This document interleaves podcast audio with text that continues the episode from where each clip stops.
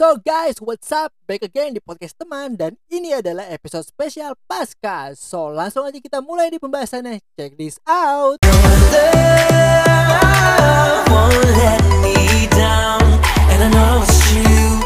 Yeah,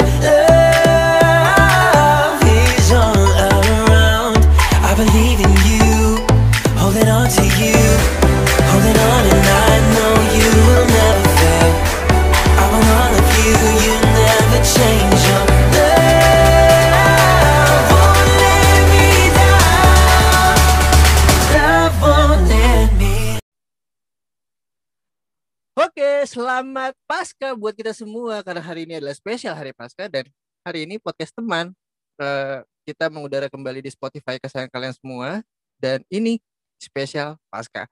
Tapi sebelum kita mulai, silakan Kak. Kita mau ngapain dulu nih Kak sebelum kita mulai?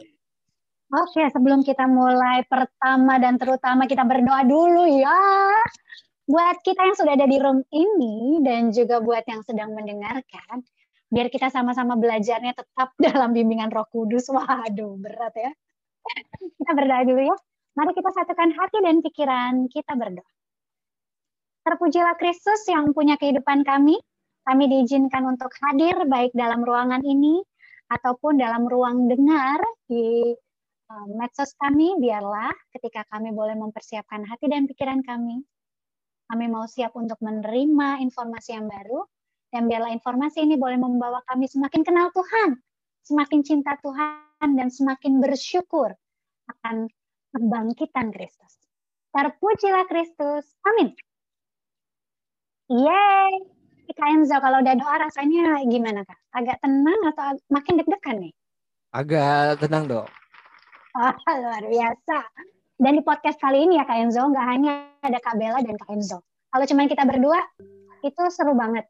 Tapi kalau ada yang lain, serunya nggak akan ketulungan kayak ya. Oke, Kak Bella akan panggil satu-satu. Kak Enzo, silahkan suaranya.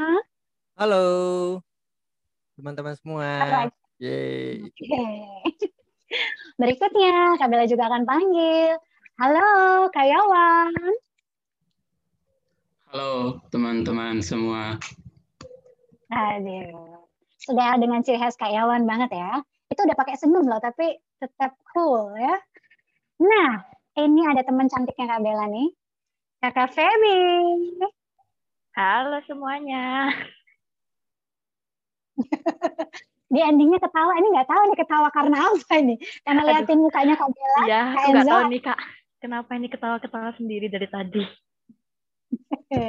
Ini kayaknya bawaannya karena Kristus udah bangkit, jadi kita bahagia dan wah. Atau jangan-jangan telurnya udah udah ketemu banyak nih tadi. Abis cari telur. Mungkin ya, mungkin gitu kayaknya. Oke. Satu lagi kita juga punya temen yang gak kalah ganteng dari Kak Enzo dan juga Kak Yawan. Ada Matt. Halo. Halo semuanya. Oke. Thank you banget. Kita akan rame-ramean bahas tentang apa? Tentang apanya akan dijelaskan oleh Kak Yawa. Silakan Kak Yawa. Oke teman-teman semua. Jadi pada pembahasan kali ini temanya yaitu Pasca karena saat ini kita sedang memperingati Pasca, maka dari itu pada kesempatan kali ini kita akan bersama-sama menelisik lebih jauh apa itu Pasca. Nah, ada tiga poin nih yang akan kita bahas secara bersama-sama. Yang pertama, Pasca versi Alkitab akan ditinjau dari Perjanjian Lama dan juga Perjanjian Baru. Kemudian yang kedua, Pasca dan perayaannya. Apa itu? Simak dalam podcast kali ini. Nah, yang ketiga, makna Pasca buat teman-teman semua dan makna Pasca buat kita semua. Jadi, tunggu apa lagi? Silakan simak podcast kali ini. Saya kembalikan ke Kak Bila. Oke, thank you Kak Yawan. Dan habis ini kita mau ngapain sih Kak Enzo?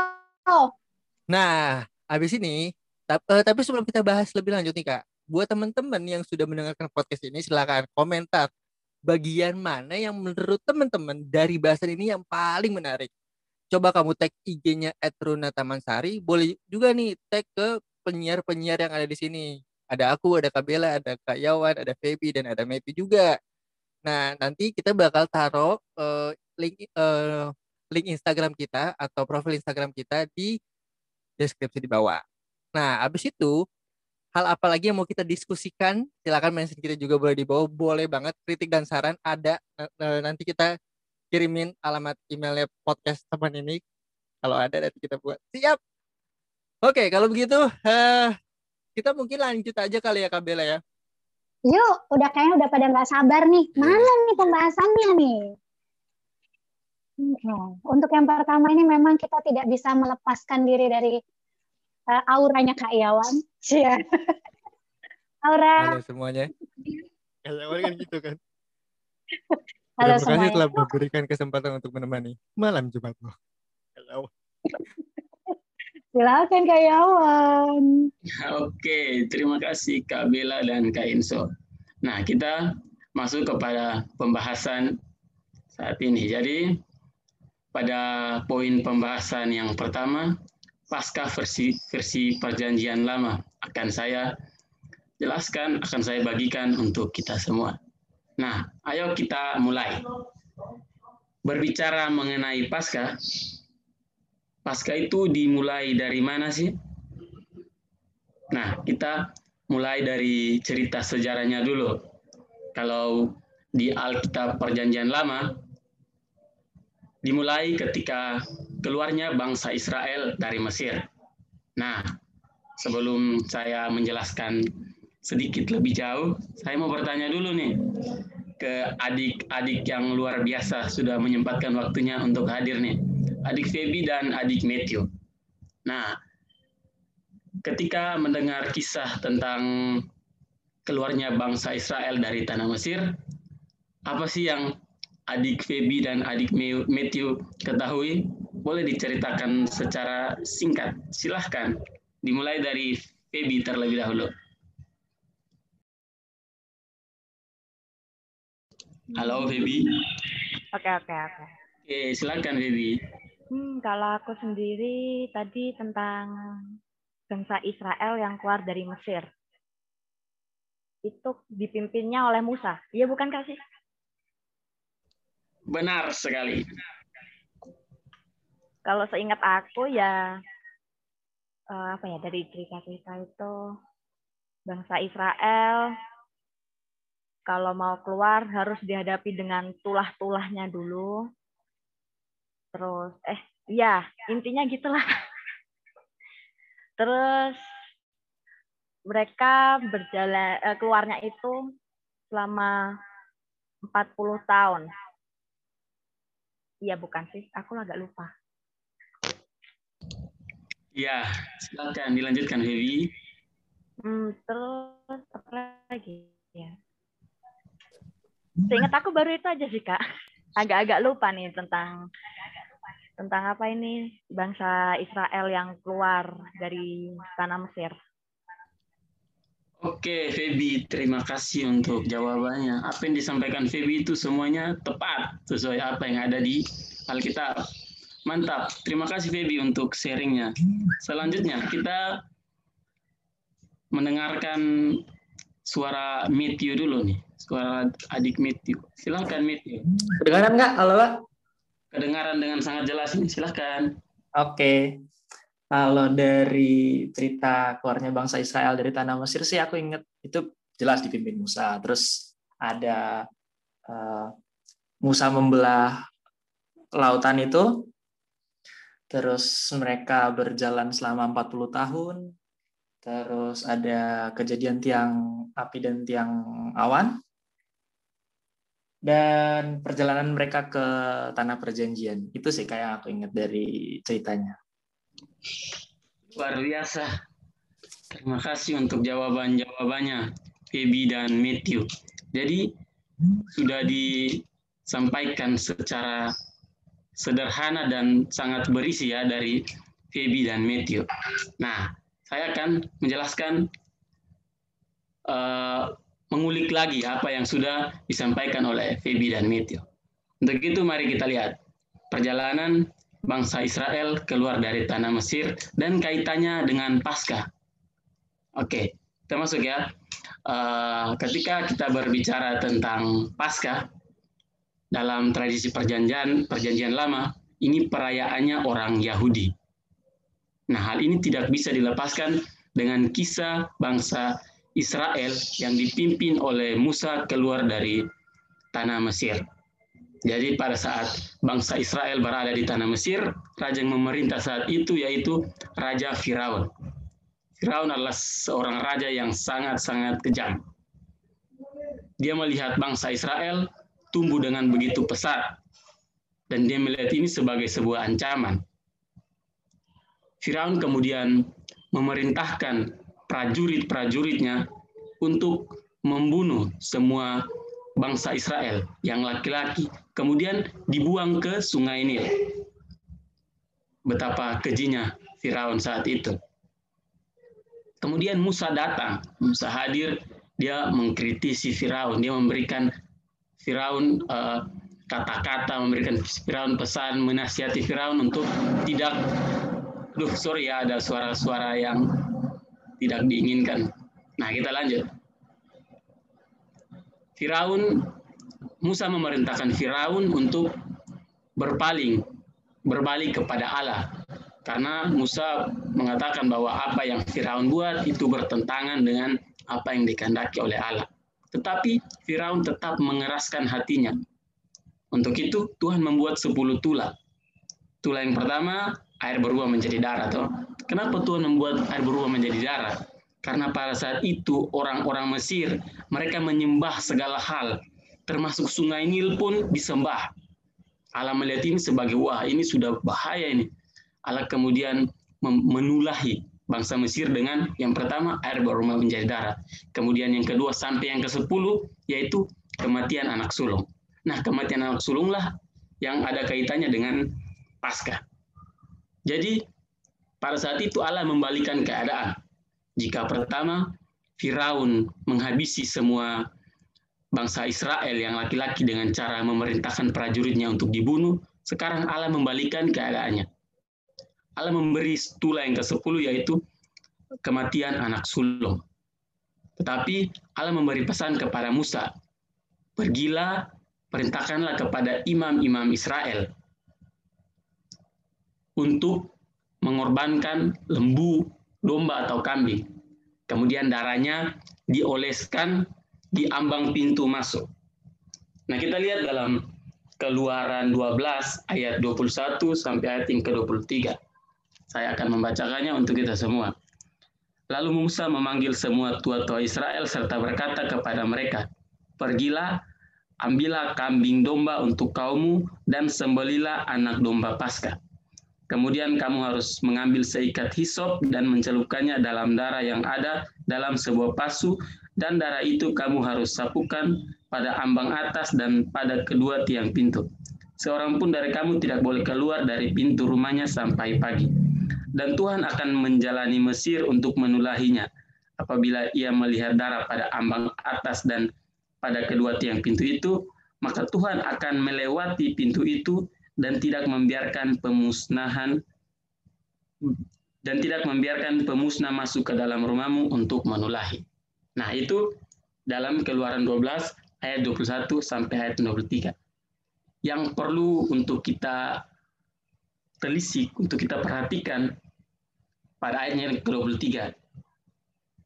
Dan Tuhan akan menjalani Mesir untuk menulahinya apabila ia melihat darah pada ambang atas dan pada kedua tiang pintu, maka Tuhan akan melewati. Sekali lagi, maka Tuhan akan melewati. Nah, kalau kita mau melihat dari bahasa aslinya, bahasa Ibrani, kata melewati itu artinya pasak. Kemudian diturunkan menjadi pesak. Kata Pesak ini kalau dalam bahasa Inggris artinya Passover. Dan diterjemahkan ke dalam bahasa Indonesia artinya Pasca. Artinya apa? Secara harafiah, Pasca diterjemahkan sebagai melewati. Tuhan datang, Tuhan melewati orang-orang Israel. Tuhan tidak menulahi orang-orang Israel. Karena apa? Sudah ada korban persembahan anak lembu, domba atau kambing dipersembahkan, kemudian darahnya disapukan di atas ambang pintu rumah mereka. Nah, itu untuk uh, arti dari pasca sendiri. Kemudian hal lain lagi yang harus kita lihat secara bersama-sama. Orang Israel ketika mau meninggalkan tanah Mesir, itu mereka dalam keadaan yang terburu-buru mereka didesak oleh waktu. Nah, mereka menyadari kalau mau keluar dari tanah Mesir harus ada persiapan makanan. Untuk itu, pada saat itu mereka mempersiapkan roti. Mereka membuat roti, membuat roti, membuat roti, tetapi karena diburu oleh waktu, mereka tidak sempat memberikan ragi pada roti itu. Itulah sebabnya kenapa nama lain dari Paskah adalah perayaan Hari Raya Roti Tidak Beragi. Karena apa? Pada saat itu mereka mempersiapkan bahan makanan mereka, tapi karena dikejar oleh waktu, mereka tidak sempat memberikan ragi. Dan Tuhan memerintahkan untuk setiap tahunnya secara rutin, orang Israel harus memperingati Paskah, harus membunuh lembu kambing atau domba yang tidak bercela dan yang tidak bercacat, kemudian memakan roti yang tidak beragi. Tidak hanya dua makanan itu, tetapi ada satu makanan lagi yang wajib untuk mereka makan, yaitu sayur-sayuran yang pahit. Nah, menjadi pertanyaan buat kita, kenapa harus sayur-sayuran yang pahit? Nah, sayur-sayuran yang pahit ini mau melambangkan ketika bangsa Israel dalam uh, pembuangan di Mesir, itu kehidupan mereka sangat-sangat tidak mengenakan. Kepahitan hidup mereka sangat mereka rasakan. Untuk menghayati semuanya itu, pada uh, hari raya perayaan Paskah, mereka harus memakan itu semua. Nah, kemudian hari raya perayaan Paskah dilakukan setiap tanggal 14 bulan Nisan. Atau dalam bahasa Ibrani bulan Abib. Itu bulan pertama dalam kalendernya orang Ibrani. Nah, kalau kita mau kaitkan dengan kalender kita, berarti Paskah itu jatuh di antara bulan Maret dan juga bulan April. Itulah sebabnya kenapa kita memperingati Paskah di antara bulan pertengahan bulan Maret sampai pertengahan bulan April. Dan itu harus dilakukan pada waktu senja, pada waktu sore hari. Kenapa? Karena mengenang kembali bangsa Israel itu keluar dari tanah Mesir pada waktu sore hari. Dan untuk itu, pada saat tahun-tahun setelah itu mereka memperingati, mereka harus memperingatinya pada waktu senja. Nah, kemudian uh, mereka itu harus mempersembahkan domba atau lembu kambing itu yang tidak bercelah dan tidak bercatat. Kemudian harus dipanggang secara utuh. Dipanggang secara utuh, kemudian uh, dimakan dalam satu hari itu sampai habis harus habis. Kemudian makannya pun harus hati-hati. Di sini kita bisa melihat sedetail mungkin perayaan Paskah. Diperhatikan sedetail mungkin perayaan Paskahnya orang Yahudi. Jadi makannya itu harus hati-hati. Tidak boleh ada satupun tulang yang patah. Nah ini ini ini menarik. Ini ada kaitannya dengan uh, Paskah versi versi Perjanjian Baru. Jadi tidak boleh ada uh, satupun tulang yang dipatahkan. Nah, jadi ketika memasuki hari raya Paskah perlu ada persiapan yang benar-benar matang. Karena mereka harus mempersiapkan domba atau kambing, sayur pahit, hari raya roti, harus mempersiapkan roti yang tidak beragi. Bukan cuma roti yang tidak beragi, semua makanan pun dianjurkan untuk tidak beragi. Jadi dalam selama mereka melaksanakan prosesi pasca itu selama tujuh hari. Dalam tujuh hari itu mereka semua dilarang untuk bekerja. Itu hanya pure untuk mempersiapkan makanan dan minuman mereka. Jika ada yang bekerja, maka akan dilenyapkan dari uh, orang antara orang-orang Israel.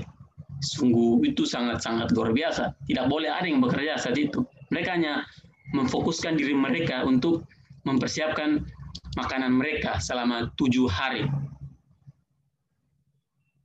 Nah, itu uh, pasca menurut perjanjian lama. Jadi sederhananya pasca menurut perjanjian lama kalau secara harfiah artinya melewati. Artinya Tuhan melewati setiap umat Israel, setiap rumah umat Israel untuk menyelamatkan uh, menyelamatkan mereka dari tulah yang ke-10 yaitu uh, kematian dari anak sulung. Tapi kalau makna pasca dari perjanjian lama yaitu persembahan anak persembahan darah anak domba untuk menyelamatkan bangsa Israel dari tanah Mesir. Itu Kak Bila yang bisa saya sampaikan terkait dengan pasca perjanjian lama. Terima kasih. Oke, Kak Bella lihat nih dari kamera di sini Kak Enzo udah mulai nyatat, Kak Febi nyatat, dan siapa tahu teman-teman di luar sana ikutan mencatat ya apa yang sudah Kak Yawan uh, sampaikan. Kalau misalnya lupa, boleh nih di stop dulu, dimundurin lagi gitu. Itu enaknya kita di uh, dunia Spotify ya, bisa di skip dulu, diulang lagi. Coba didengerin lagi apa sih yang bisa kalian dapatkan. Ini pertanyaannya nih yang aku mau tanya dulu. Kira-kira menurut Matthew, setelah kamu dengerin Kak Yawan menjelaskan nih, hal baru apa sih yang Matthew dapatkan dari tentang sejarah uh, dan ada bahasa Ibrani-nya dan segala macam. Apa yang Matthew dapatkan? Sebenarnya menarik sih kak. Uh, selama ini kan pasca yang kita ketahui lebih ke pasca di mana kebangkitan Kristus ya kak. Di, mungkin itu di perjanjian baru nanti. Tapi ternyata di yep. perjanjian lama itu cukup berbeda itu di mana Tuhan melewati bangsa Israel, di mana domba itu sebenarnya sebagai simbol uh, tumbal atau korbannya gitu. Terus juga tadi yang menarik itu uh, bagaimana mereka menyikapi Paskah dengan uh, budaya mereka, dengan uh, kebiasaan mereka yang bermaksud untuk memperingati masa-masa yang pernah mereka alami gitu.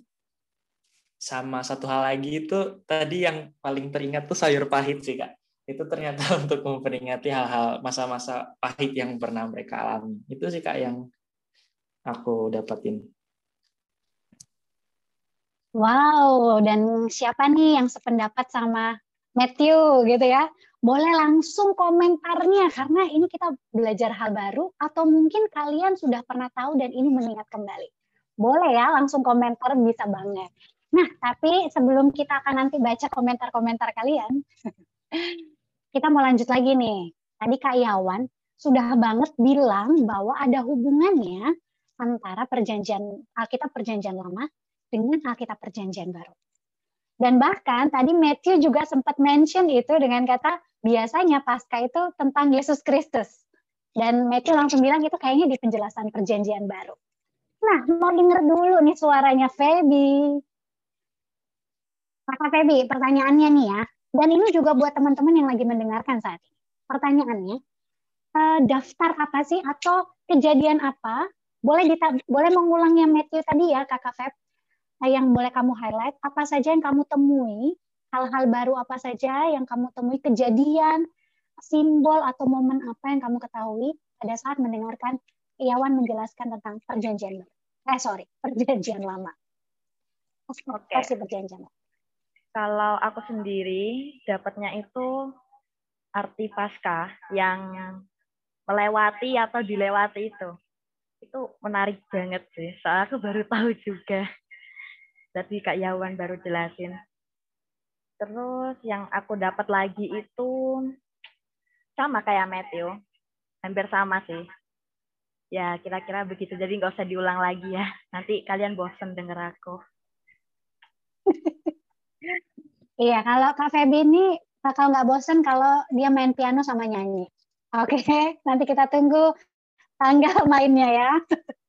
Oke, kita balik lagi. Sekarang kita akan menghubungkan pasca perjanjian lama dengan pasca di perjanjian baru atau lebih khusus lagi kita langsung pasca dengan Yesus gitu ya kita akan lihat satu persatu kalau dari hasil uh, sumber yang Kabela dapatkan itu ada tujuh poin nah kita sama-sama lihat ya boleh dicatat juga Eh, bisa jadi ini hal baru atau mungkin hal yang kembali diingat tentang Paskah dan Yesus. Yang pertama teman-teman semuanya kasih karunia Allah.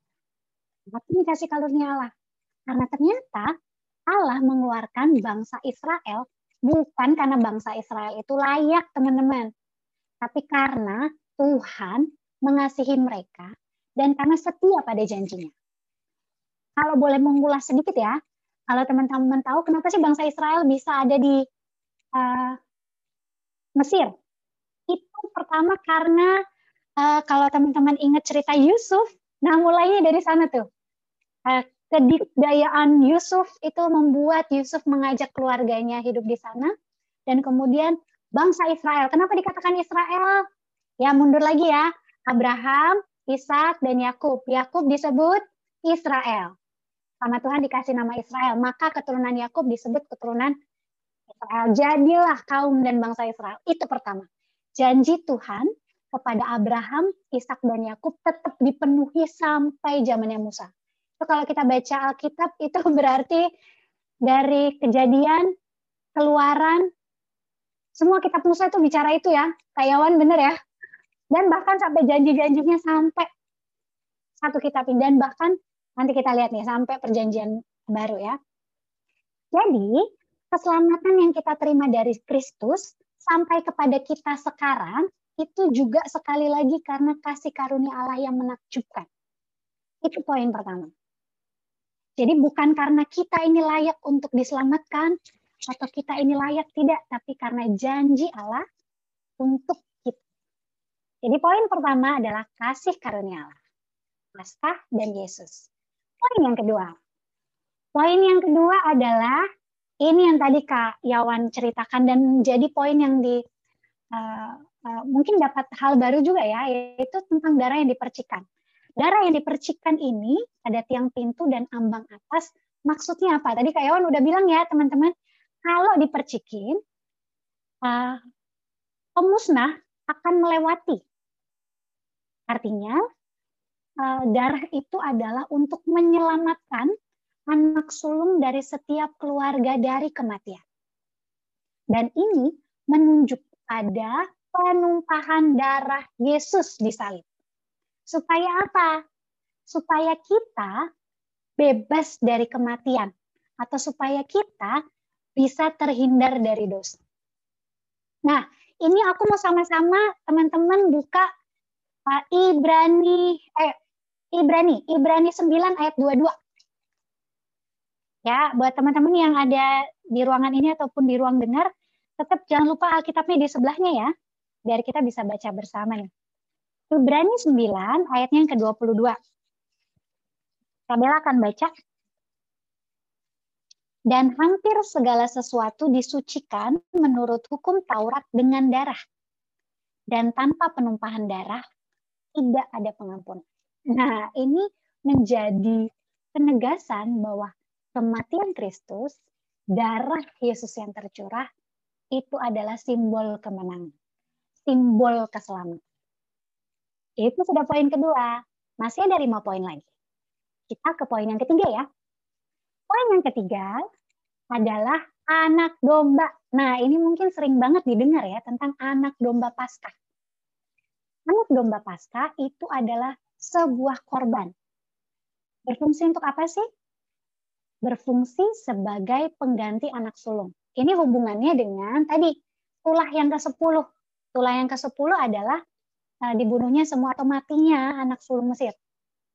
Itu sebagai uh, fungsi. Jadi setiap uh, dipercikan maka tadi yang dilewati. Maka korban ini menunjuk. Nah, ini dia nih. Korban ini menunjuk pada kematian Yesus Kristus sebagai pengganti kematian orang percaya. Harusnya kan yang salah yang dihukum. Benar nggak sih? Itu kan hal yang sering kita dapatkan. Ya kalau kamu salah ya kamu harus dihukum. Tapi ini yang salah kita, yang dihukum, yang menggantikan kita adalah Yesus Kristus. Anak domba Paskah. Dan Paulus teman-teman secara tegas menyebut Kristus anak domba Paskah kita yang dikorbankan demi kita. Yuk kita baca. Boleh minta tolong Kak Enzo. Kak Enzo, ada di 1 Korintus 5 ayat 7 Kak. 1 Korintus 5 ayat 7. Boleh dibaca? 1 Korintus 5 ayat 7. Oke. 1 Korintus 5 ayat 7. Buanglah ragi yang lama itu supaya kamu menjadi adonan yang baru. Sebab kamu memang tidak beragi. Sebab anak domba Paskah kita juga telah disembelih, yaitu Kristus. Oke, jelas ya. Jadi siapa yang sudah disembelih? Anak domba itu merujuk kepada Kristus. Terima kasih Kak Enzo. Kita sudah sampai nomor tiga, kita lanjut ke nomor empat. Oke, kemudian anak domba jantan. Ini masih berhubungan dengan anak domba ya. Anak domba jantan dan tadi kalau dengar Kak Yawan bilang, disembelih haruslah tanpa cacat. Itu teman-teman bisa baca di Keluaran 12 ayat 5. Tapi Kak Bella nggak akan minta untuk baca sekarang, tapi teman-teman silakan lihat di Keluaran 12 ayat 5. Anak domba itu sekali lagi melambangkan ketidakberdosaan Kristus. Anak tunggal Allah yang sempurna. Nah, kita akan baca yang perjanjian barunya ya. Perjanjian baru kita akan baca dua ayat. Maka Kak Bella akan minta tolong dua orang nih. Kak Yawan, Kak Yawan yang Yohanes 8 ayat 46. Sekali lagi teman-teman silakan siapkan Alkitabnya. Yohanes 8 ayat 46. Dan Matthew. Matt boleh Ibrani 4 ayat 15. Kak Yawan akan mulai dengan Yohanes 8 ayat ayat 46. Matthew Ibrani 4 ayatnya yang ke-15 kita sedang bahas anak domba jantan yang tanpa cacat. Oke, silahkan Kak Yawan mulai dengan Yohanes 8 ayat 40. Yohanes 8 ayat 46. Siapakah di antara kamu yang membuktikan bahwa aku berbuat dosa? Apabila aku mengatakan kebenaran, mengapa kamu tidak percaya kepadaku? Oke, Matthew. Oke, Ibrani 4 ayat 15. Sebab imam besar yang kita punya bukanlah imam besar yang tidak dapat turut merasakan kelemahan-kelemahan kita. Sebaliknya sama dengan kita, ia telah dicobai hanya tidak berbuat dosa. Yes, sudah ya. Jadi dari dua ayat ini mau punya penegasan bahwa Yesus Kristus tidak berdosa. Jadi yang berdosa kita tapi yang menggantikan uh, hukuman dosa itu adalah orang yang tidak berdosa. Luar biasa ya, bagaimana anugerah yang kita dapatkan itu sungguh luar biasa. Masih ada poin kelima, enam, dan tujuh. Kabela langsung ya. Memakan daging anak domba itu ternyata melambangkan pemandung, pemanunggalan masyarakat Israel dengan kematian anak domba itu. Kematian yang menyelamatkan mereka dari kematian jasmani. Demikian pula ikut serta dalam perjamuan kudus melambangkan keikutsertaan kita dalam kematian Kristus. Kematian yang menyelamatkan kita dari kematian rohani. Sebagaimana halnya dengan Paskah, hanyalah korban yang pertama. Kematian Yesus Kristus di salib menjadi korban yang efektif. Kita mengadakan perjamuan kudus sebagai suatu peringatan akan dia. Nah, ini penekanannya nih bahwa uh, kenapa selalu ada perjamuan kudus sebelum uh, kita merayakan Paskah, gitu ya? Karena ini, karena kita mau mengingat kembali, mau menjadi satu dengan Kristus yang sudah mati. Dengan cara makan roti dan anggur kalau sekarang ya. Tapi kalau dulu, tadi Kak Yawan sempat bilang, mereka harus makan dagingnya utuh. Gitu tadi kalau dengar penjelasan Kak Yawan. Nah ini salah satunya. Karena kita mau mengingat rayakan, kita makan roti dan anggur. Untuk apa? Untuk tahu bahwa dia yang gak berdosa memberikan nyawanya untuk kita. Yeay, dua poin lagi sebelum kita akan masuk ke topik pembahasan yang baru. Pasca di perjanjian baru atau hubungan pasca dengan Kristus, poin yang keenam. Pemercikan darah pada tiang pintu dan ambang atas dilaksanakan dengan iman dan ketaatan. Anggapan ini mendatangkan penebusan melalui darah. Keselamatan melalui darah Kristus diperoleh hanya melalui ketaatan yang disebabkan oleh iman. Ketaatan bangsa Israel pada masa lalu membuat mereka selamat. Ketaatan Kristus untuk ikut perintah Allah Bapaknya, walaupun dia Allah yang berkuasa ya, Allah yang bisa saja mem, mem, apa, mempunyai keputusan yang baru. Udah, saya nggak mau deh, ini terlalu kenapa saya harus mati sih? Allah punya tuh kesempatan itu, tetapi dia memilih turut kepada Bapaknya. Ada bilang dalam uh, ketika dia berdoa di Getsemani, biar kehendakmu Tuhan yang jadi, jangan kehendakku. Walaupun dia sempat bilang, kalau boleh Tuhan, lalukanlah cawan ini. Tapi dia memilih taat. Nah, Paskah dan Kristus menunjukkan ketaatan. Bagaimana dengan kita teman-teman, Kak Enzo, Kak Bella, Kak Iyawan, Kak Feby, Matthew, dan teman-teman yang sedang mendengarkan. Apakah kita sudah menunjukkan ketaatan kita oleh iman karena keselamatan yang sudah kita dapatkan? Ada rasa ditembak nggak sih? Langsung beri mengingat segala dosa yang baru saja kita lakukan gitu ya. Oke, okay. tapi ini memang saatnya kita mengeluarkan kembali atau mengeluarkan lagi dosa-dosa kita supaya kalau kita udah tahu jangan kita lakukan. Itu harapannya ya. Poin yang terakhir adalah poin yang ketujuh. Anak domba Paskah harus dimakan bersama dengan roti yang tidak beragi sebenarnya Kabela juga benar-benar baru tahu tentang sejarah roti itu ternyata mereka buat tanpa roti tanpa ragi itu karena lupa ya karena cepet-cepet itu menurutku menarik juga ternyata ragi dalam Alkitab itu biasanya melambangkan dosa dan pencemaran. Roti yang tidak beragi ini melambangkan pemisahan orang Israel yang ditebus dari Mesir yaitu dunia dan dosa.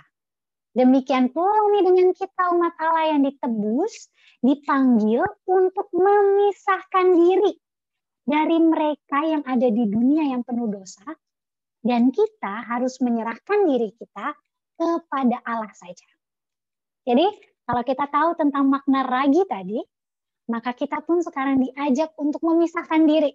Terus ya, memisahkan diri artinya kalau di sebelah kita nggak taat, ya kita taat di sebelah kita nggak ngantri ya kita ngantri sebelah kita nggak pakai masker kita mas pakai masker itu bagian dari kita itu adalah tujuh poin yang mau dikasih tahu hubungan paskah perjanjian lama dengan kehadiran Yesus.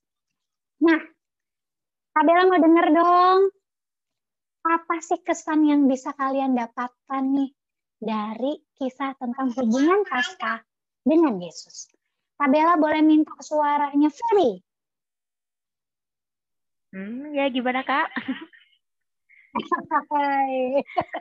Sibuk nulis nih dari tadi. Kan sudah dengar luar biasa dan aku yakin teman-teman yang lagi di luar sana juga pada ikutan nulis. Bedanya mereka bisa stop dan rewind ya. Kak Feby ini enggak live dia. Kak Feby, pertanyaannya adalah kesan apa? Apa yang kamu dapatkan setelah tahu tentang uh, hubungan Paskah dengan Yesus Kristus dan penjelasan di Perjanjian Baru? Kalau aku sendiri ya Kak, dari banyak yang Kak Bella jelasin, ada tujuh, panjang-panjang lagi. Sampai bingung nih nulisnya mau gimana. Nah, kalau aku dapat itu, yang paling menarik itu tadi yang kasih karunia Allah. Itu kayak seakan-akan ingat apa ya kayak sedikit tertampar sih kayak kita itu diselamatkan itu bukan karena kita itu layak tapi karena janjinya Allah pada kita itu yang aku dapat dari tujuh poin ya oh, keren sip sip sip sip mantap KVB itu memang gongnya ya tapi boleh nggak sih Kak Bella tanya juga ke Kak Enzo nih padahal di skrip nggak ada ya Kak Enzo ya Aku sudah Kenzo. prepare kak, tenang saja. Oh luar yeah. biasa, yay. Enzo apa nih yang Kak Enzo bisa dapatkan entah secara poin-poin atau entah apa pun yang terlintas dari Kak Enzo. Silakan Kak. Nah, uh, yang aku uh, apa ya kesan yang aku dengar dari pembahasannya Kak Bella tadi uh, memang hampir sama serupa dengan Feby. Cuma aku ada beberapa hal yang aku spotlight Kak. Aku baru tahu banget ternyata kalau misalkan apa namanya lam, uh, ketika kita memberikan apa namanya anak domba jantan untuk disembelih itu haruslah tanpa cacat ini hampir sama kayak teman-teman kita yang berbeda keyakinan sama kita gitu loh. Dan ini eh, apa ya kalau menurut aku juga salah satu hal yang menarik karena dari sini kita bisa belajar bahwa kalau kita mau ngasih sesuatu sama Tuhan jangan setengah-setengah. Mungkin kalau misalkan kalau dari Alkitab bilang anak domba jantan yang disembelih nggak boleh cacat, tapi mungkin kalau misalkan kita terapkan kita kan nggak mungkin dong tiap minggu eh, bawa kambing domba ke gereja gitu kan kayak gila kali. Mahal banget kambing domba tuh. Ya kan? Nah eh, apa namanya? Ya aku aku apa sadar betul bahwa ketika kita memberikan seluruhnya kepada Tuhan nih jangan setengah-setengah. Begitupun sama diri kita pribadi gitu loh. Yang aku tangkap adalah ketika oke lu udah tahu lu udah selamat. Nah sekarang apa nih eh, feedbacknya? Maksudnya ungkapan syukurnya gitu kan. Ya udah jaga diri kamu supaya nggak ber, supaya nggak bercacat itu sih yang aku aku tangkap kak dan dan apa namanya yang tadi kayak Feby udah bilang tuh kayak ya lo selamat bukan karena lo layak tapi emang karena Tuhan sayang gitu loh gitu kak mantap Mantep banget. Kak Feby dan Kak Enzo, thank you banget. Dan teman-teman mungkin punya pendapat yang sama atau mungkin punya pendapat lain, silahkan. Itu menjadi bagian refleksi dari teman-teman. Dan satu yang mau Kak Bella tambahkan. Ini artinya kita mau melihat bahwa apa pun yang terjadi di perjanjian lama, itu digenapi di perjanjian baru. Satu hal sih tadi eh, Kak Bella agak terlupa, tadi Kak, Yawan sempat bilang bahwa tidak ada tulang yang dipatahkan. Ya, uh, kalau misalnya kita mengikuti pembacaan punyanya GPIP hari ini, itu juga bahas tuh bahwa tidak ada tulangnya Tuhan Yesus yang dipatahkan, hanya lambungnya yang ditikam. Sedangkan dua penjahat di kanan kiri itu dipatahkan ya, tulangnya. Artinya bahwa Alkitab mau menunjukkan tidak ada yang tidak digenapi oleh Tuhan. Allah kita di perjanjian baru. Jadi kalau baca Alkitab, serunya baca dari awal sampai akhir, itu ada keterkaitan semuanya. Walaupun kita perlu pembahasan yang kayak gini nih, biar tahu nih, oh ternyata ada hubungannya ya. Nah, habis gini, setelah baca yang versi-versi Alkitab, sekarang kita mau bahas yang versi perayaan dong ya. Kan udah mau Paskah nih. Kenzo, apa nih yang biasa kita mau lakukan di perayaan Paskah nih? Iya Kak Bella, terima kasih ya. Itu tadi tidak skrip. Aku tahunya hanya memberikan penjelasan. Thank you Kak Bella, gak apa-apa. Nah, yang kita tadi udah dikasih tahu sama Kak Bella ya kan. Tadi kita sudah mention-mention sedikit tentang perayaan. Sekarang udah tahu dong ya bahwa Paskah itu identik sama eh, domba, ragi, bubur kosong, sama roti dan anggur. Nah, tapi kenapa sih setiap pasca kita selalu mengadakan lomba cari telur atau uh, gini deh, kalau sekarang kalian dengerin di Spotify, kalian bisa ngeliat covernya, itu kan ada gambar telur sama kelinci. Nah, kira-kira kalau kalau menurut teman-teman semua nih, ya kan, yang lagi dengerin ini, apa sih hubungannya sama gambar yang ada di cover kita ini sekarang gitu kan. Nah, bahan oh ya, yang bawah itu tidak butuh, tidak perlu dibaca. Oke, siap. Jadi uh, mungkin aku akan mulai dari Feby dulu kali ya, dari perayaannya sendiri. Gitu kan. Kenapa sih kok kita harus mencari telur? Terus kenapa sih kok ada gambar uh, ada gambar telur gitu? Ya, silakan Feb. Oke. Kalau aku tadi udah nyiapin jawaban nih. Jadi aku cari-cari di Google. Ya karena nggak ada kan yang di di Alkitab. Kenapa sih? Ada apa hubungannya? Maksudnya gitu deh. Maaf agak berbelit ya. Kalau aku baca, aku baca dari awal ya. Saat hari Paskah, banyak sekali gambar telur bertebaran. Namun sebenarnya apa sih maksud dari telur dan kenapa bisa identik dengan Paskah? Telur, menurut umat Kristiani, merupakan simbol dari kebangkitan Yesus Kristus. Filosofinya ialah memang telur dianggap tidak hidup dan tidak bisa bergerak, Walaupun seperti itu di dalam telur tetap memiliki kehidupan yang nyata hingga menetas.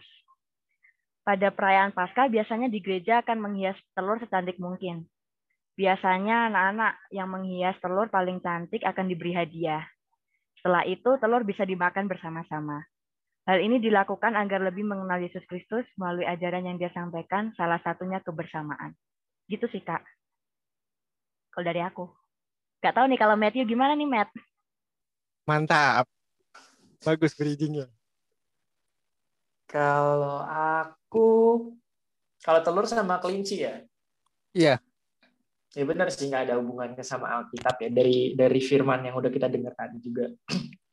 Mungkin kalau pendapat pribadi aja ya kak, Eh, kelinci dan telur itu mungkin cuman sebagai simbol yang di mana eh, membantu kita supaya mengenalkan Paskah itu lebih apa ya? Lebih keingat gitu loh untuk anak-anak juga juga untuk anak-anak gitu. Kalau misalkan uh, kan tadi simbol-simbolnya apa? Anak domba atau roti tanpa ragi, anggur gitu kan mana mungkin gitu kan anak-anak kecil mau nginget Paskah, ah anggur gitu kan nggak mungkin mereka tertarik. Jadi bisa aja gitu kan kelinci atau telur ini sebagai salah satu simbol untuk mengingatkan mereka gitu, mempermudah.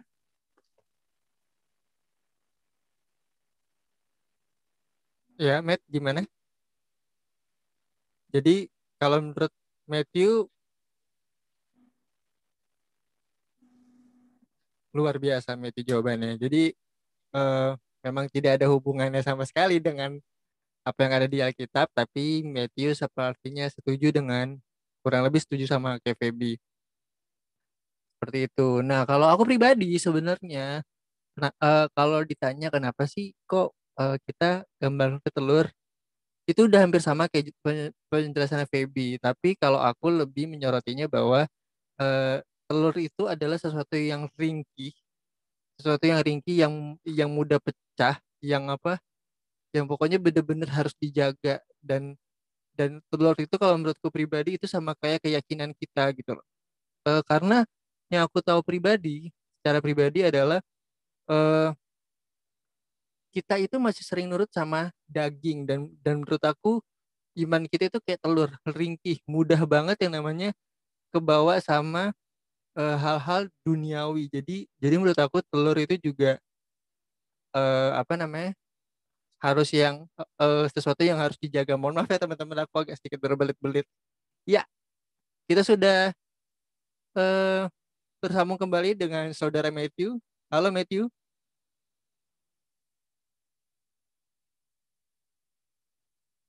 Kami mohon maaf atas sambungan terputus. Ya baga- Halo. bagaimana saud- saudara Matthew Gimana kak? ya tadi jawabanmu tadi sempat terpotong Oh sempat maaf. ya Itu sih sebagai simbol aja maksudnya buat bantu mengingatkan uh, anak-anak gitu supaya mereka lebih tertarik aja mungkin gitu. Kalau di pada zaman sekarang kan nggak mungkin anak-anak tertarik sama anggur atau roti tanpa ragi gitu loh kak. Cuman membantu aja gitu. Hmm, Itu pendapat pribadiku aja. oke karena biasanya yang doyan anggur sama roti itu biasanya kita cowok-cowok yang sudah dewasa itu biasanya itu Iya sama yang Ya udah kan? tua-tua kan. Iya, kita harus hormat sama orang tua. Ya, sponsor gak boleh masuk. Karena ini podcast untuk Luna. Ya. Oke. Itu jawaban dari Feby sama eh, Matthew. Mungkin mungkin mungkin kalau misalkan kita nggak kita nggak adil ya kalau kita nggak nggak tanya kakak-kakak yang ada di sini ya kan. Ada Kak Bella sama Kak Yawan. Nah, menurut Kak Bella dan Kak Yawan, menurut Kak Bella dan Kak Yawan, eh, kenapa sih kita kok ada telur-telurnya sih Kak? Gitu loh. Dan kelinci gitu. Mungkin dari karyawan dulu kali ya. Karena aku tahu Kak Bella pasti gong nih jawabannya nih. Oke, Kak Enzo, terima kasih banyak untuk pertanyaannya. Jadi, makna telur dan kelinci ya, kalau mau jujur, saya baru tahu saat ini kalau kelinci itu identik, diidentikan dengan pasca. Kalau telur mah sudah tahu sejak kecil, karena dulu kecil pada saat pasca pasti ada kegiatan cari telur sebanyak-banyaknya. Tapi belum tahu maknanya sama sekali juga. Nah, kalau berdasarkan sumber yang dibagikan oleh Kak Bella kemarin, saya, saya jadi menemukan sedikit jawaban terkait dengan makna telur dan juga uh, makna kelinci dari perayaan Paskah. Jadi kalau dari perspektifnya orang Kristen, telur Paskah ini dikatakan mewakili kemunculan Yesus dari kubur dan kebangkitan. Nah ini nyambung sama apa yang dikatakan oleh Febi. Jadi uh, Febi katakan telur itu dari luarnya kelihatan tidak hidup, dan tidak bisa bergerak. Namun ada kehidupan dan ada kehidupan dalam telur itu dan telur ini bisa menetas. Nah ini melambangkan ketika Yesus di dalam kubur, kita lihat seperti, oh tidak ada kehidupan. Tapi sebenarnya Yesus bisa keluar dari kubur yang kosong, uh, kubur yang tertutup itu, kemudian uh, hadir dalam rupa manusia, artinya hadir untuk menghadirkan kehidupan lagi. Itu sih kak untuk yang telur telur terkait dengan pasca. Kalau untuk yang kelincinya lagi ya. Nah ini menurut sumber yang sama juga. Kelinci pasca ini pertama kali uh, muncul di Amerika pada tahun 1700-an. Jadi pada saat perayaan Paskah orang-orang di Amerika pada saat itu uh, menyuruh anak-anak mereka membuat sarang tempat kelinci ini bertelur. Jadi ada sebuah tempat, sebuah sarang kelinci. Kemudian di sarang kelinci itu nanti ditempati oleh telur-telur yang sudah mereka hias berwarna-warni. Jadi makna tidak ada kaitannya sama sekali makna telur dengan uh, kelinci dengan Alkitab, tidak ada landasan teologisnya. Tetapi ini sebagai sebuah perayaan untuk memberi kesan kepada semua kita yang merayakan, Paskah. Supaya ini bisa diingat. Tidak hanya bisa diingat, tapi kita bisa menghayati tentang perayaan Paskah atau kebangkitan Kristus itu sendiri, Kak. Begitu, Kak Enzo. Thank you. Luar biasa, mantap jiwa. Oke, kalau begitu, silakan Kak Bella, tunjukkan pesonamu. Nah ini sumbernya sama tapi udah dibabat habis oleh Kak Yawan. tapi satu sih Kak yang hmm. Suaraku kedengeran tadi suara hujan deras nih. Kedengeran kok kedengeran. Oke mantap. Jadi satu yang mau aku uh, garis bawahi adalah di sini aku jadi belajar tentang budaya. Budaya mewarnai perkembangan iman kita. Nah, artinya apa pun yang mau kita hubungkan dengan atau kematian, jangan sampai membuat kita apa ya kabur nih perspektifnya. Oke, kalau buat anak-anak sekolah minggu usia IHMPA nggak masalah. Tapi buat kita teruna, hai teruna, kalian akan banyak ketemu dengan budaya yang begitu luar biasa. Tapi budaya itu jangan sampai mengaburkan yang tadi dibilang sama Kak Febi dan Kak Enzo. Adanya kasih karunia Allah atas apa yang sudah kita dapat. Jadi apa pun perayaan yang mau kita tuju dengan cara main game, kita merayakan pasca dengan cara tiktokan, kita merayakan pasca dengan cara cari telur, dan Teruna Taman Sari akan ada ini ya, hias telur ya. Hias telur, boleh banget ya, langsung ibadah PT ikutan hias telur. Tapi artinya jangan sampai budaya itu yang kita dapatkan mengaburkan pemaknaan tentang kasih Allah. Mungkin itu saja sih Kak, karena penjelasan sudah dijelaskan dengan baik oleh Feby, uh, Matthew, dan Kak Yawan. Thank you Kak Enzo. Thank you Kak Bella. Nah, yang kita tadi udah Kak Bella bilang bahwa kita ada lomba menghias telur. Cara ikutannya gimana sih? caranya gampang banget. Kalian boleh menghias telur sebagus mungkin. Kemudian kalian foto. Habis kalian foto, kalian kirim ke grup PT Taman Sari atau kal kalian boleh upload di Instagram eh tag @teruna Tamansari sama eh, tag Kak Brene, Kak Leo, Kak Mutiara, Kak Vinanda dan Kak Rudolfo. Paling lambat kapan dikumpulinnya? Paling lambat itu tanggal 8 April. Nah, siapa pun yang nanti yang menang akan mendapatkan hadiah menarik berupa sahamnya Kak Bella. Enggak, bercanda. Eh hadiahnya udah pasti menarik banget. Kalian pasti bakal seneng banget sama hadiahnya. Tunggu aja. Jadi jangan tunggu lama-lama, langsung keluarin semua kreativitas kamu untuk menghias telur. Oke, kalau begitu kita nih udah mau hampir ke penghujung acara nih Kak Bella nih. Kita, aduh, nggak berasa loh kita ngobrol udah lama banget. Luar biasa ya Kak Enzo ya. Padahal kita masih pengen lama-lama loh Kak. gitu. Ya, silakan Kak, Kak Bella. Oke, ini saatnya kita untuk menutup. Tapi sebelum menutup, nggak seru nih kalau kita nggak dengerin suara Kak Yawan lagi ya. Kayaknya Kak Yawan sudah uh, menunggu saatnya. Ya. Silakan, Kak Yawan, Kak Yawan. Oke, terima kasih Kak Enzo, Kak Bella, adik Feby dan juga Matthew. Nah, kita sudah hampir sampai nih di penghujung podcast saat ini. Sebelum saya memberi kesimpulan atas apa yang sudah kita bahas, terlebih dahulu nih dari uh, Feby dan Matthew. Satu dua kalimat, satu kalimat dua kalimat boleh kesimpulan yang mau disampaikan terkait dengan apa yang sudah kita bahas yang terkait dengan pasca versi perjanjian lama, pasca versi perjanjian baru, perayaannya itu mau disimpulkan dalam satu dua kalimat atau lebih juga silahkan. Dari Matthew dulu. Um, mungkin kalau dari aku kesimpulannya apa ya? Pasca ini merupakan pasca yang cukup berbeda untuk kita semua di tengah kondisi sekarang.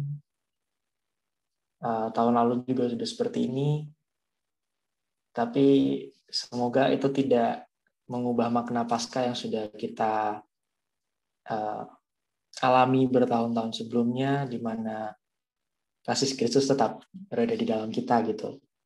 Dan juga kita harus menyikapi pasca kali ini dengan tetap uh, bergantung kepada Tuhan dan tetap bersyukur gitu Kak. Terus juga dari konten kali ini uh, aku harap teman-teman semua kita semua bisa dapat hal-hal yang baru, hal-hal yang menarik untuk dipelajari juga. Aku juga banyak belajar sih dari firman kali ini dari uh, keterkaitan perjanjian lama dan perjanjian baru yang sebenarnya aku belum pernah pikirkan gitu lah. Itu aja sih kak kalau dari aku. Luar biasa Matthew penjelasannya. Kesimpulan yang sangat-sangat jelas yang membuat kita semua terkagum-kagum. Jadi ada tiga poin yang saya catat ya dari penjelasannya Matthew. Jadi saat kita merayakan Paskah sekarang, meskipun kondisinya tidak seperti tahun-tahun yang kemarin, tapi semoga kondisi tidak menggeser makna Paskah. Itu poin pertama dari Matthew. Poin yang kedua dari Matthew yaitu uh, saat kita merayakan Paskah, kita ditekan oleh kondisi, tapi satu kita harus berserah pada Tuhan. Yang ketiga, setelah kita berserah kepada Tuhan, kita harus bersyukur atas semua yang sudah Tuhan berikan kepada kita, semua yang sudah Tuhan karyakan kepada kita. Itu dari Matthew. Sekarang kita dengar dari Feby. Silakan Feby. Oke, aku nggak bicara panjang ini kayaknya. Karena aku sependapat banget sama Matthew tadi juga untuk kesimpulannya. Uh, gimana ya? apa pun yang kita lakukan saat ini, perayaan Paskah di tahun ini, kita tetap harus bahagia walaupun keadaannya begini ya tidak bisa ketemu nggak bisa lomba bareng-bareng kayak dulu-dulu tuh tapi mungkin dengan adanya pandemi ini kita jadi bisa lebih memaknai apa sih paskah itu dengan penjelasan-penjelasan yang tadi sudah disampaikan. Itu aja sih Kak. Terima kasih lagi Feby untuk jawabannya. Jadi kalau dari apa yang Feby sampaikan, ada satu poin penting yang saya dapatkan. Merayakan Paskah dengan penuh kebahagiaan. Meskipun kembali lagi kondisi mendorong kita, tapi tetap kita harus merayakan merayakannya dengan kebahagiaan. Jika Kristus sudah mau menderita, sudah mau mati di atas kayu salib, dan uh, bangkit pada hari yang ketiga, kebangkitannya itu membawa kebahagiaan untuk kita semua. Sehingga sekarang kita merayakannya juga harus penuh dengan kebahagiaan. Itu yang bisa saya dapatkan dari Feby. Sekarang saya mau mencoba menyimpulkan semua yang sudah kita bahas dari awal sampai akhir ini. Jadi kisah pasca versi perjanjian lama dan perjanjian baru kan sudah selesai kita bahas. Uh, pasca dalam perjanjian lama sebagai pertanda keluarnya bangsa Israel dari tanah perbudakan di Mesir. Darah anak domba yang tak bercela menjadi lambang bahwa bangsa Israel diselamatkan oleh Allah. Nah, sementara dalam perjanjian baru, pasca adalah kisah kebangkitan Kristus anugerah Kristus yang menyelamatkan kita kita semua lewat penderitaan kematian serta kebangkitannya. Jadi pasca adalah kisah kebangkitan Kristus. Perjalanan Yesus berujung pada kebangkitan. Sebelum kebangkitan meskipun banyak penderitaan yang ditanggung olehnya, bahkan dia disalibkan, menderita, mati di kayu salib, tetapi kebangkitannya menjadi jawaban untuk kita semua, menjadi harapan untuk kita semua darah yang menetes di atas kayu salib sebagai pertanda bahwa dosa kita manusia telah ditebus oleh Yesus. Namun kematian ini bukanlah akhir dari segalanya. Ada kebangkitan yang dialami oleh Yesus. Kebangkitan inilah yang memberi, memberi pesan bahwa Yesuslah Mesias yang sejati. Mesias yang sudah dijanjikan uh, lebih dahulu dalam tradisi-tradisi perjanjian lama. Mesias yang memberi keselamatan bagi kita, Mesias yang memberi harapan bagi kita, dan Mesias yang memberi kehidupan kekal bagi kita. Nah, ada harapan baru ketika kita merayakan Pasca Kristus atau ketika kita merayakan kebangkitan Kristus. Kebangkitannya memberi pengharapan kepada kita bahwa sebagai orang Kristen tentu kita percaya kepada Tuhan. Tetapi sejauh mana kita percaya kepada Tuhan? Apakah kebangkitannya sudah benar-benar memulihkan hidup kita? Buat kita semua yang percaya kepada Tuhan. Percayalah, kebangkitan ini memberi harapan bahwa Tuhan selalu menyertai kita. Tuhan selalu membimbing kita, Tuhan selalu memberikan penghiburan kepada kita. Dan Tuhanlah yang memberi kehidupan kita menjadi lebih baik dan membuat kehidupan kita bermakna di hadapannya. Nah, teman-teman semua, kakak-kakak semua, semua pendengar yang sedang mendengarkan ini, selamat menghayati pasca Kristus, selamat menghayati kebangkitan Kristus. Semoga dengan kisah kebangkitan Kristus, kita semua dibuat untuk semakin bersyukur. Kita semua tetap percaya kepada Tuhan dan selalu berterima kasih kepadanya yang telah menyelamatkan kita. Ungkapan terima kasihnya itu sederhana. Marilah kita mengungkapkannya dengan tekun setia berpegang pada apa yang sudah dia teladankan dan apa yang sudah diajarkan olehnya. Selamat merayakan Paskah Kristus. Sekian Kak Enso dan Kak Bella serta adik-adik semua. Terima kasih. Terima kasih Kak Yawan. Terima kasih buat Feby dan Matthew. Dan kita akan tutup podcast kita hari ini. Karena Bella yakin kita yang di ruangan ini aja belajar banyak. Apalagi teman-teman yang di luar sana. Dengan segala apa pun hal positif yang diambil, segala apa pun biarlah Tuhan yang berkarya lewat podcast ini. Kalau gitu, mari kita tutup dengan doa. Mari kita berdoa.